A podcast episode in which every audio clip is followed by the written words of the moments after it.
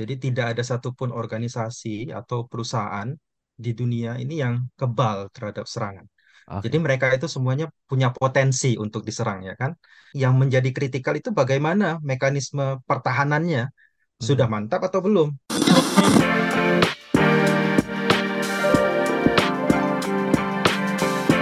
Hai sahabat TCID, kalian sedang mendengarkan podcast Suara Akademia. Ngobrol seru isu terkini bareng akademisi. Minggu lalu uh, netizen Indonesia bahkan nasabah uh, Bank Syariah Indonesia itu dikagetkan dengan tidak bisanya bertransaksi awalnya di BSI Mobile. Terus cek and recheck ngelihat timeline ternyata tidak hanya di BSI Mobile saja tapi bertransaksi di teller tidak bisa, bertransaksi di ATM tidak bisa dan bolanya bergulir sampai pada akhirnya ada informasi bahwa Bank Syariah Indonesia sistemnya terkena ransomware gitu. Um, untuk orang awam seperti saya, ransomware ini adalah hal yang asing gitu. Sebenarnya ini apa, ya kan? Terus juga permasalahannya di mana? Apakah bermasalah uh, karena memang tata kelola data digital yang kurang baik dari BSI atau sebenarnya ada human error di sini yang menyebabkan ada penyusup bisa masuk di situ.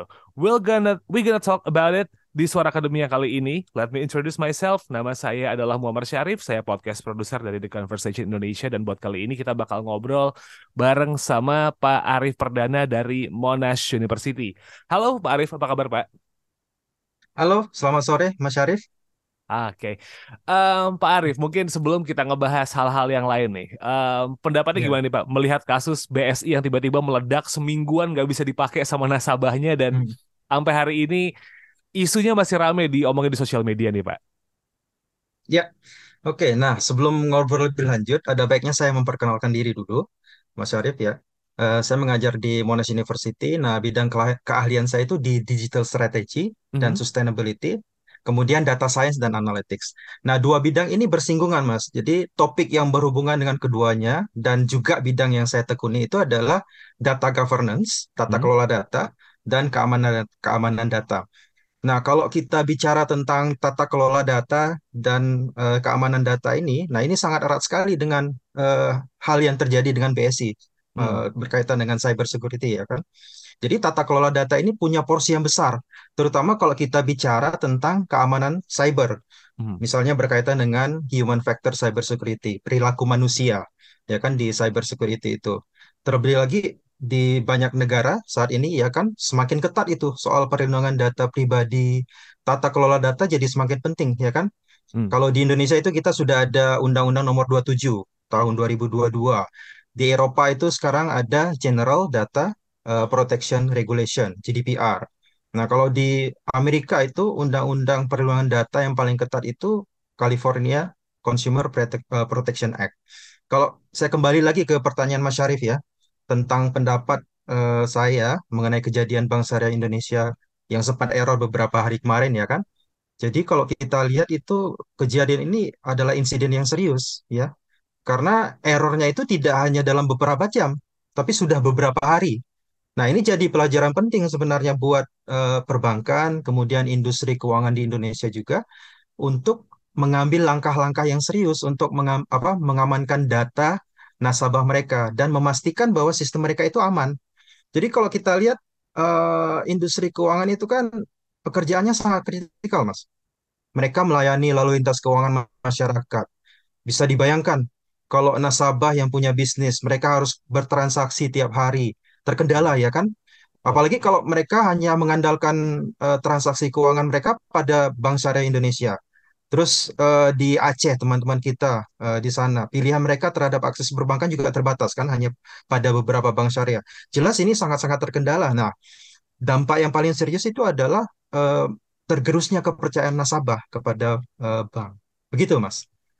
Nah, ini yang jadi- menjadi uh, pertanyaan saya sebenarnya. Ketika kita berbicara um, adanya kebobolan dan berbicara soal tata kelola data siber nih, banyak orang yang mungkin Hmm, nggak ngeh gitu, Mas. Kalau kita berbicara soal tata kelola hmm, data, ini tuh awal dari mana sampai akhirnya keamanan data tuh hubungan di mana sih, Mas? Tata kelola tuh apakah cuma kayak foldering aja kah atau yang gimana? Mungkin bisa dijelaskan ke sobat TCID yang masih belum ngeh gitu Mas sama tata kelola data, especially soal cyber ini nih gitu, soal digital gini nih Mas. Nah, kalau kita bicara tentang segala sesuatu yang melibatkan teknologi digital itu, jadi semuanya selalu ada hubungannya dengan tata kelola data, Mas. Hmm. Karena apa? Data ini kan adalah bahan bakarnya, bahan bakarnya sistem informasi, bahan bakarnya teknologi informasi, ya kan? Jadi tanpa adanya data, sistem dan teknologi informasi itu tidak bisa beroperasi. Hmm. Nah, apa saja teknologinya? Mau disebut blockchain, apalagi artificial intelligence. Nah, termasuk juga keamanan cyber, cyber security ini. Nah, tata kelola data itu domainnya sangat apa sangat luas. Eh, selain luas itu juga rumit dan tidak Hmm. mudah untuk mengimplementasikannya. Bahkan untuk eh, bukan hanya perusahaan-perusahaan kecil, perusahaan multinasional juga eh, terus eh, berimprovisasi eh, untuk menerapkan tata kelola data ini. Jadi kalau kita eh, lihat tata kelola data itu spektrumnya luas. Jadi Oke. mencangkup praktek dan kebijakan yang bertujuan untuk mengelola, ya kan, kemudian melindungi, kemudian mengamankan data itu dengan cara yang efektif. Mulai dari jadi bu- bukan hanya sejak data itu di, ada di perusahaan, tapi mulai dari data itu direncanakan. Misalkan data apa nih yang mau kita eh, ambil? Data apa nih yang mau kita kumpulkan? Data dari nasabah. Oke, datanya apa? Nama dan lain sebagainya. Itu juga sudah mulai itu tata kelola data. Kemudian bagaimana nanti data dikumpulkan? Harus ada konsen ya kan? Ya. Harus ada eh, compliance dengan undang-undang. Dari siapa data dikumpulkan? Di mana data disimpan? Kualitas datanya bagaimana? Eh, terjamin atau tidak? Kemudian bagaimana nanti data dianalisis? Berapa lama data disimpan, ya kan? Nanti kalau data sudah tidak digunakan lagi, bagaimana data harus dimusnahkan? Nah, sudah saya jelaskan, jadi aspeknya itu eh, apa namanya spektrumnya luas, Mas. Hmm. Jadi bukan hanya tanggung jawab satu orang saja, tapi sat, apa seluruh em, karyawan mulai dari CEO sampai karyawan operasional itu bertanggung jawab terhadap tata kelola data. Sekarang kita berbicara soal kasus BSI nih, eh, Pak Arief ya. Kita melihat bahwa em, kalau dari Twitter sih sebenarnya, dari sosial media ini akhirnya grup hackernya yaitu Lockerbit itu memberitahu bahwa Ya. sebenarnya ada sedikit permasalahan, sorry, bukan permasalahan sih, lebih ke ada kecerobohan dari pegawai yang membuat mereka Mhm. akhirnya bisa masuk di situ. So kalau kita berbicara Ya. soal eh, tata kelola data dulu nih kayak gini ya, eh, Ma, apa Arif gitu. Apakah memang masalahnya pada akhirnya tata kelola data tadi sesuai dengan eh, ucapan eh, dari Pak Arif gitu, dari statement dari Pak Arif bahwa ini tidak hanya satu, tidak hanya soal sistem doang, tapi soal perorangan gitu. Artinya perorangan Hmm. juga punya peranan kunci dan gimana nih? Em, Pak Arif ngelihatnya kasus ketika Lockerbit ngeluarin statement bahwa ini gara-gara satu orang yang akhirnya kita bisa masuk dari satu komputer, bisa masuk ke jaringan utama, gimana nih, Pak Arif? Ya, nah kalau kita lihat ya em, s- eh, tentang cyber security ini, jadi tidak ada satupun organisasi atau perusahaan di dunia ini yang kebal terhadap serangan. Jadi Oke. mereka itu semuanya punya potensi untuk diserang ya kan. Nah, artinya tadi saya bilang semua punya potensi untuk diserang. Yang menjadi kritikal itu bagaimana mekanisme pertahanannya sudah Mhm. mantap atau belum, ya kan? Nah, pertahanan ini tadi tidak hanya dari sisi teknis saja, teknologinya canggih, kemudian eh, sophisticated, tidak hanya itu, tapi juga sisi non teknisnya. Nah, menariknya untuk soal keamanan cyber ini, titik terlemahnya itu sebenarnya bukan di teknologi semata, tapi di faktor manusianya. Mhm. Manusianya misalkan eh, careless, ceroboh, ya kan? Banyak contoh, Mas, eh, institusi dan perusahaan yang eh, apa teknologinya mumpuni, tapi pernah mengalami terkena serangan cyber ini. Sebut saja apa? Facebook, Uber, Cisco, Verizon. Eh, belakangan dua tahun yang lalu, SolarWinds. Nah, itu kalau kita lihat teknologinya canggih, mereka sudah menyiapkan beberapa layer. Tapi kalau kita lihat, saya ambil contoh ya, misalkan SolarWinds. Jadi masalahnya bukan dari sisi teknologi, tapi dari sisi manusianya. Hmm. Jadi eh, peretas itu sudah mulai melihat titik lemah SolarWinds itu dari sejak mereka melakukan development. Jadi ada eh, aplikasi atau pl- platform yang dikembangkan di SolarWinds itu namanya Ori- Orion. Jadi Orion itu dikembangkan di GitHub. Nah, di GitHub ini mereka sudah sudah apa eh, lihat kemudian kelemahan, ada titik lemahnya tidak. Nah, ternyata ada titik lemah. Jadi eh, pernah ada eh, mahasiswa magang di SolarWind itu dia mengakses kemudian mendevelop eh, coding di GitHub, kemudian menggunakan password hanya SolarWind 123 dan ini punya akses ke servernya SolarWind.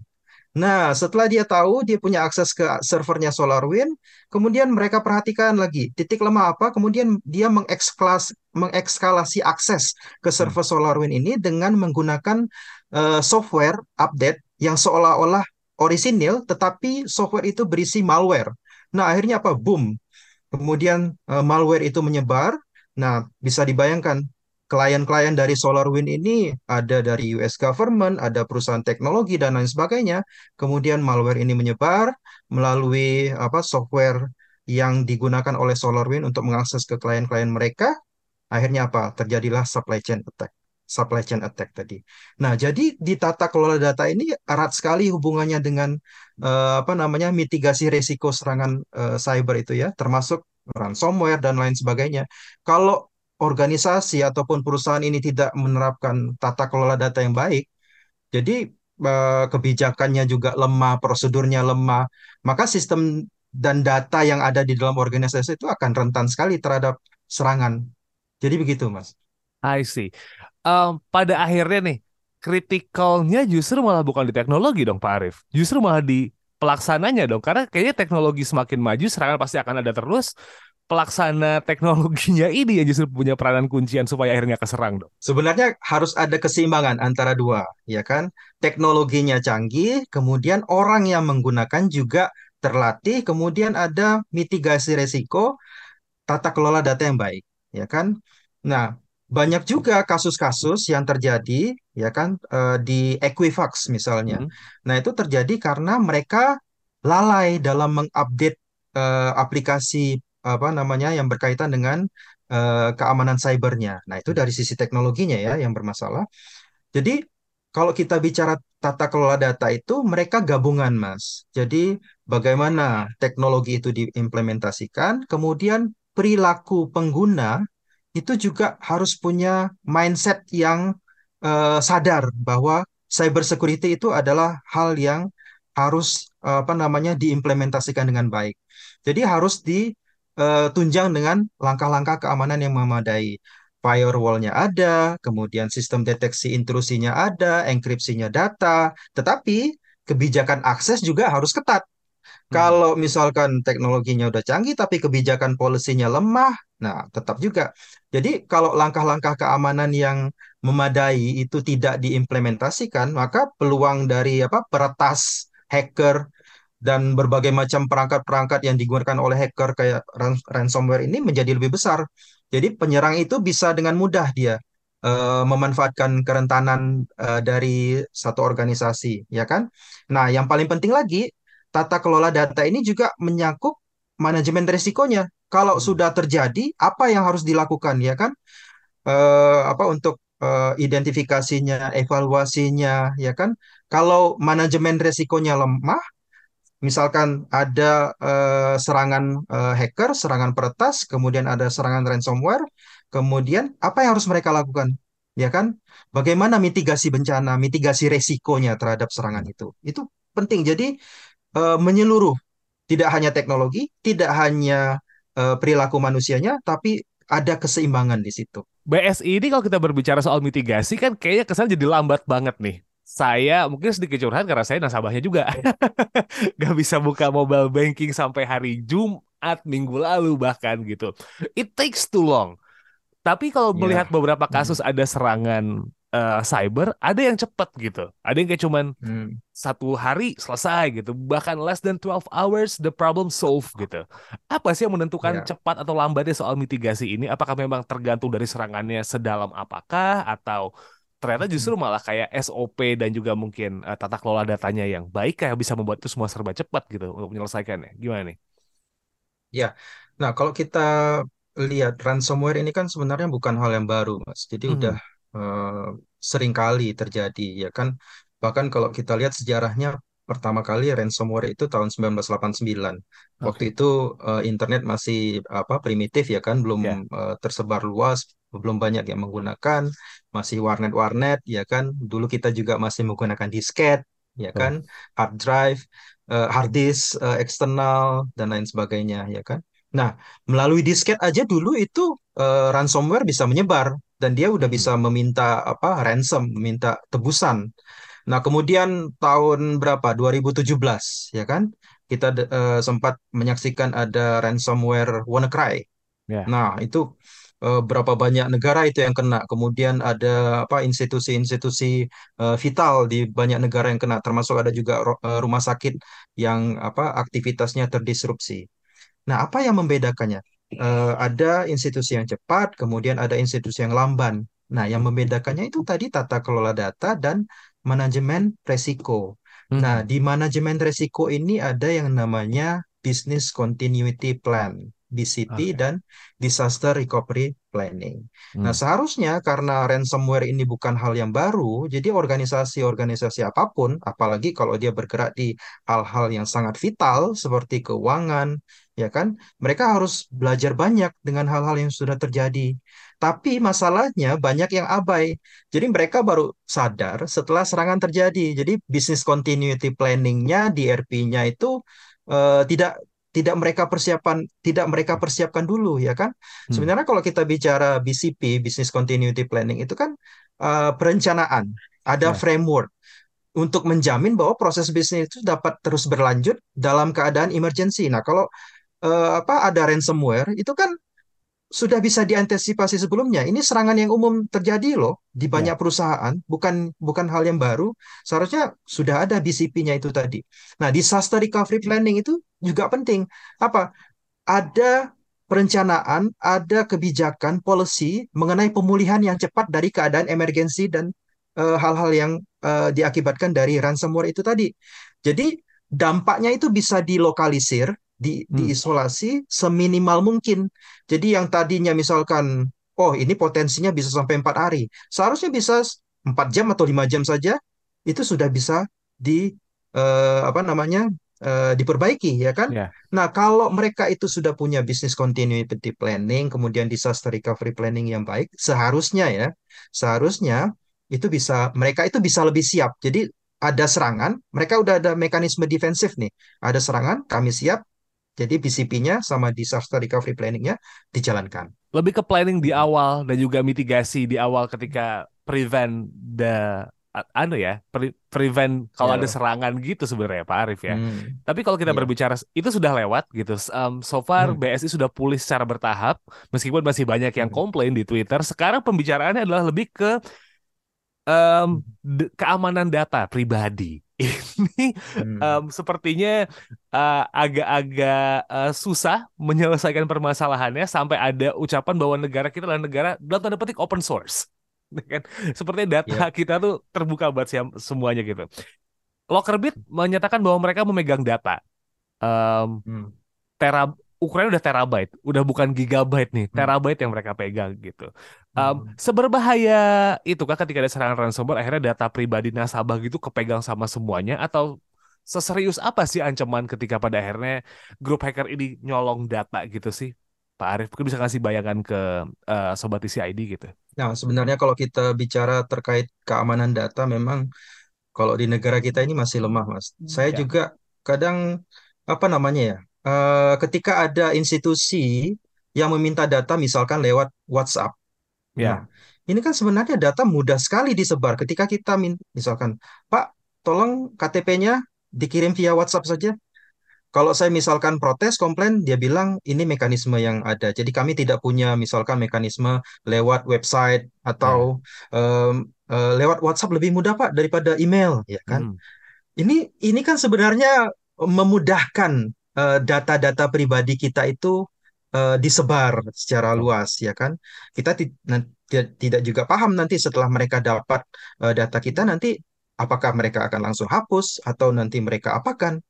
Nah, makanya undang-undang data eh, perlindungan data yang kita miliki itu seharusnya bisa membuat mekanisme yang lebih ketat lagi bagaimana data ini dikumpulkan, kemudian data ini nanti diproses. Nah, kalau kita lihat apa sih dampaknya ketika data-data pribadi eh, kita misalkan eh, bisa diakses orang luar. Misalkan contohnya ya, nomor nomor KTP kita, nomor Ya. KTP, nomor paspor Itu kan hal-hal yang sangat kritikal, Mas. Itu Hmm. bisa digunakan orang untuk me- apa digunakannya kalau dia tahu dari nomor induk eh, apa namanya kependudukan, nama kita, alamat kita, ya kan? Mereka bisa gunakan untuk meregistrasi di apa akun apa misalkan untuk kepentingan mereka dan itu juga bisa digunakan untuk scam, ya kan? Untuk eh, menipu orang lain. Itu sudah banyak terjadi kasusnya. Jadi kalau kita lihat data pribadi itu, kita bisa klasifikasikan ada personal identifiable information, Ya. foto misalnya kan, itu dari foto kita bisa mengidentifikasi siapa orang itu. Kemudian ada personal health um, information yang Hmm. berkaitan dengan keadaan atau riwayat kesehatan seseorang. Nah, ini juga bahaya nih kalau kalau apa terpublikasi. Itu sudah pernah ada kasusnya di uh, Singapura, SingHealth pernah kebocoran data Eh, jadi data-data apa kesehatan penduduknya itu bocor. Kemudian ada lagi person confi- confidentiality information.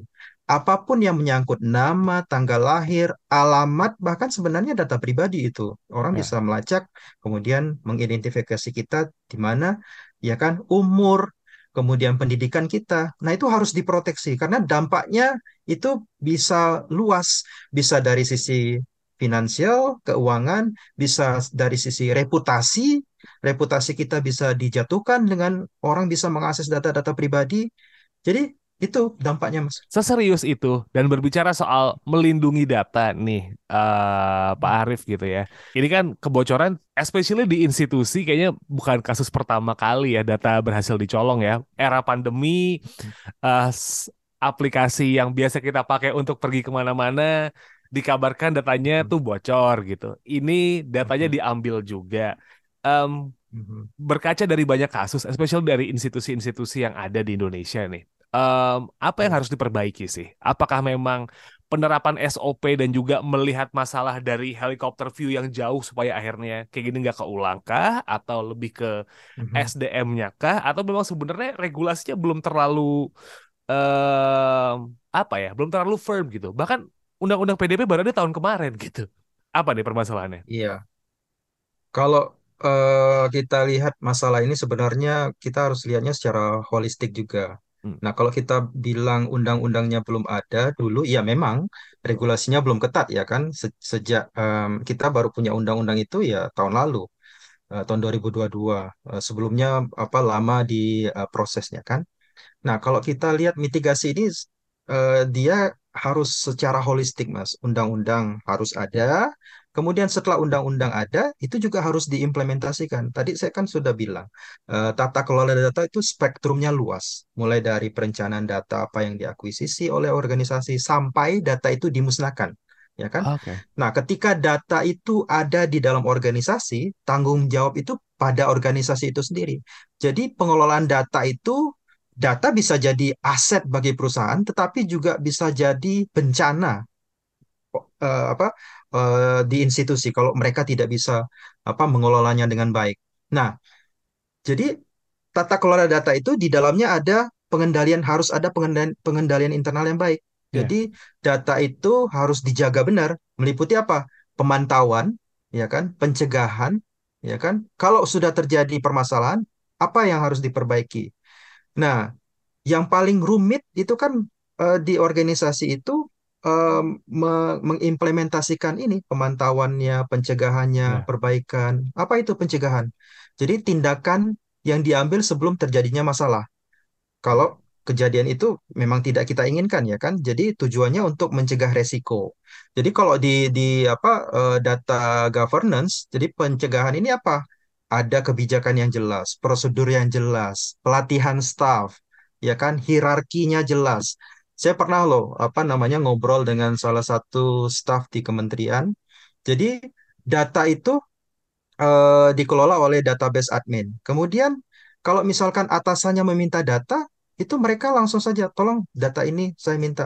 Seharusnya kan ada eh, log dokumennya, data diminta oleh siapa, kemudian nanti data apa, ya kan?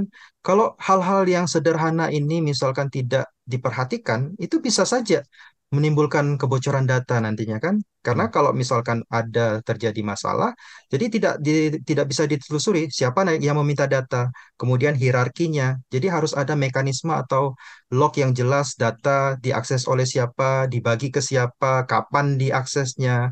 Nah, kemudian apalagi untuk pencegahannya? Penggunaan teknologi enkripsi itu juga harus eh, apa? Jangan diabaikan langkah-langkah keamanan IT yang sesuai juga harus diterapkan. Kemudian, setelah ada mekanisme pencegahan tadi, harus dilakukan pemantauan, monitoring. Nah, ini tindakan apa untuk mendeteksi potensi-potensi potensi kejadian yang mungkin terjadi. Jadi, kalau misalkan ada masalah, ada yang mencurigakan, itu cepat diidentifikasi. Supaya Ya. apa? Supaya tindakan korektif ini dapat cepat diambil. Misalkan apa? Implementasi tentang eh, zero trust. Jadi siapa pun seharusnya tidak bisa kita percaya. Bahkan karyawan di apa di organisasi sendiri, kita harus pantau aktivitasnya, apa yang mereka lakukan, em, apa yang mereka akses. Di beberapa perusahaan bahkan akses mereka dibatasi ke internet. Karena apa? Yang paling bahaya kalau terjadi insider threat jadi eh, kalau seandainya karyawan sendiri eh, di organisasi itu yang melakukan peretasan, karena dia tahu nih mekanisme apa yang terjadi di perusahaan, mereka tahu aksesnya, ya kan? Nah makanya monitoring ini harus harus eh, apa diimplementasikan. Harus ada apa? Audit keamanan data, alat keaman, alat pemantauannya harus canggih, ya kan? Ada penerapan deteksi ancaman eh, dari serangan. Nah, yang terakhir tadi yang sudah saya kemukakan itu ada tindakan perbaikan, ada business continuity planning-nya, kemudian ada disaster recovery planning-nya. Nah, jadi Mas eh, apa namanya Sarif bisa lihat kan, ada tata kelola data, kemudian di tata kelola data itu ada pengendaliannya yang baik, mulai dari pemantauan, perbaikan, eh, kemudian tindakan korektif. Nah, jadi di situ harus harus eh, apa organisasi harus melihatnya secara holistik ya. Tapi ini proses yang eh, apa ya? Proses yang tidak akan pernah stop kan Pak Arif? I mean, teknologi akan selalu maju. eh, biasanya kalau mengutip omongan-omongan tongkrongan dalam tanda petik, maling akan selalu lebih pintar dari polisi gitu. Ya kan? Biasanya Ya, mereka selalu selalu punya trik gitu. Um, so it means Hmm, artinya perusahaan ketika sudah membeli teknologi paling mutakhir nggak bisa stop dong kayak oh teknologi itu udah paling maju kok, security-nya udah paling tebel. Doesn't mean mereka udah stop, udah beli mahal ini kok gitu. Udah training panggil ya. trainer mahal juga kok. Kayak gitu kan artinya prinsipnya Mhm. untuk menjaga keamanan Ya. terus-menerus ya. Nah, makanya eh, ada eh, joke eh, di antara apa eh, pakar-pakar cyber security itu seharusnya cyber security team yang ada di dalam organisasi itu mereka harus punya mindset seperti penjahat. Nah, Oke, sama ya. juga ya sama juga polisi ya kan. Hmm, Polisi itu kan dia punya mindset eh, penjahat juga. Supaya apa? Mereka bisa menangkap penjahat dan penjahat betul. ini dia punya teknologi dan dia punya perilaku itu selalu eh, sophisticated, selalu apa eh, diimprove-nya dari hari Betul. ke hari, ya kan? Dari bagaimana mereka melakukan pengintaian, kemudian mereka melakukan eksekusi, ya kan? Sama di apa keamanan cyber eh, peretas-peretas, penjahat-penjahat cyber itu mereka melakukan teknik-teknik ya seperti penjahat. Jadi kadang mereka itu punya kesabaran yang tinggi loh untuk misalkan melakukan targeting ini ke satu perusahaan. Jadi mereka melakukan pengintaian selama berbulan-bulan. Yang terjadi di SolarWind itu seperti itu, Mas. Hmm, Jadi dia intai dulu tuh di mana SolarWind itu melakukan eh, development-nya. Eh, ternyata di GitHub. Dia mengembangkan Orion-nya di GitHub. Selama beberapa waktu mereka sabar melihat. Nah, ternyata boom, ada kelemahan. Ada apa namanya? eh, pegawai intern, pegawai magang yang me- melakukan setup passwordnya. Nah, setup passwordnya hanya SolarWind satu 2 3. ya, Bayangkan, ya kan? Ini perilaku yang sangat apa namanya ya, sangat bodoh sebenarnya kan. betul. SolarWind satu 2 3 disimpan di GitHub, kemudian eh, dokumen itu, coding itu bahkan bisa digunakan untuk mengakses servernya eh, apa? SolarWind. Ya. Nah, ya kan? Padahal teknologi yang sudah diterapkan oleh SolarWind itu canggih. Tapi apa? Masalah dari perilaku penggunanya. Beda lagi dengan Equifax. Equifax yang terjadi mereka lupa mengupdate softwarenya. Kemudian jadi ada masalah di apa namanya di sistemnya. Nah, jadi mindset ini harus terus berkembang. Ya. Jadi harus ada tim IT yang hebat, yang dia juga tetap eh, apa eh, mengupdate pengetahuan mereka. Kemudian juga kalau di cyber security itu kan ada tim yang memang mereka setiap saat itu memantau kelemahan dari eh, sistem yang ada di organisasi. Dia pantau terus tuh Hmm. titik lemahnya apa, titik lemahnya apa. Kemudian nanti ada tim yang eh, memberikan training bagi karyawan. Jadi eh, bahkan eh, mereka misalkan mengirimkan email yang seolah-olah legitimate, seolah-olah orisinil, misalkan tentang training dan lain sebagainya. Nanti ada link, padahal sebenarnya itu adalah simulasi untuk eh, mengecek apakah karyawan ini sadar atau tidak sih. Itu adalah sebenarnya phishing email. Nah, itu Hmm. ada ada edukasi.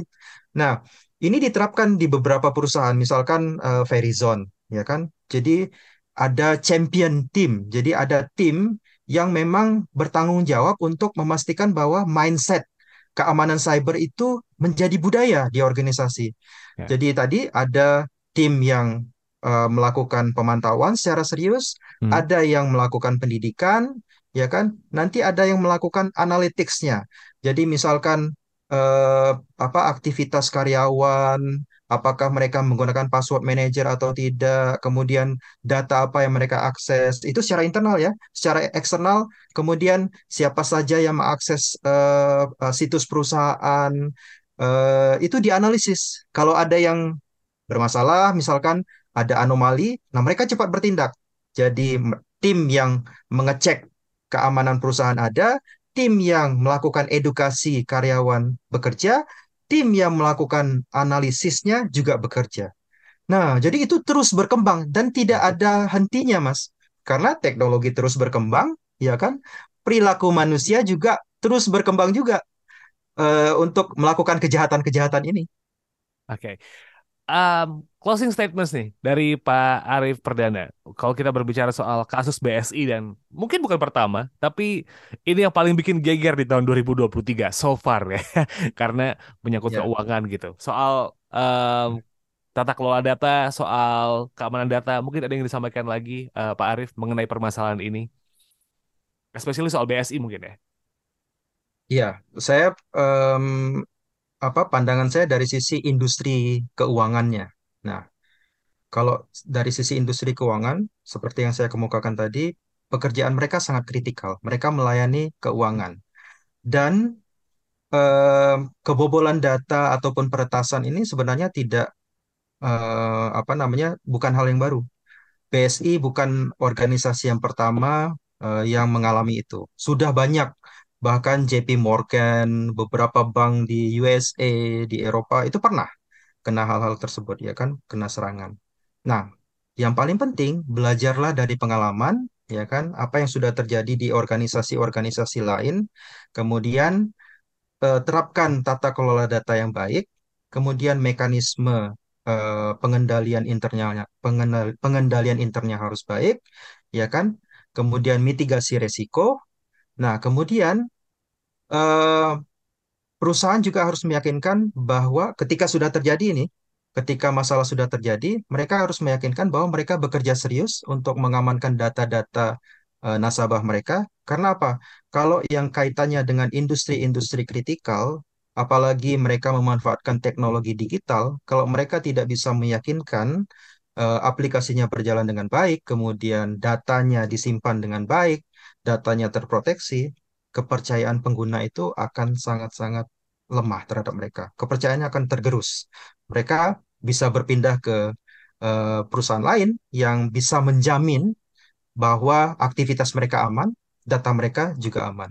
Jadi kalau eh, bicara tentang teknologi digital, keamanan cyber, kepercayaan dari pengguna itu sangat vital. Jadi itu yang harus dijaga. Bagaimana perusahaan harus tetap mengelola kepercayaan pengguna dengan baik. Begitu, Mas. Oke. Terima kasih Pak Arief Perdana dari Monash University. Uh, it's a really really interesting conversations actually karena buat banyak orang awam kayaknya terlihat remeh padahal perlindungan data dan tata kelola data ini kritikal banget di era semuanya serba digital gini ya Pak Arif ya. Right, so thank you so much uh, sudah meluangkan waktunya. Pak Arif dan juga Sobat TCID sudah mendengarkan. Thank you. Kita ketemu lagi next episode. Dan buat uh, tahu update dari The Conversation Indonesia, just check our website theconversation.com slash ID dan juga sosial media kami di at conversationid. I'll see you next episode. Assalamualaikum. Kalian telah mendengarkan podcast Suara Akademia. Ngobrol seru isu terkini bareng akademisi.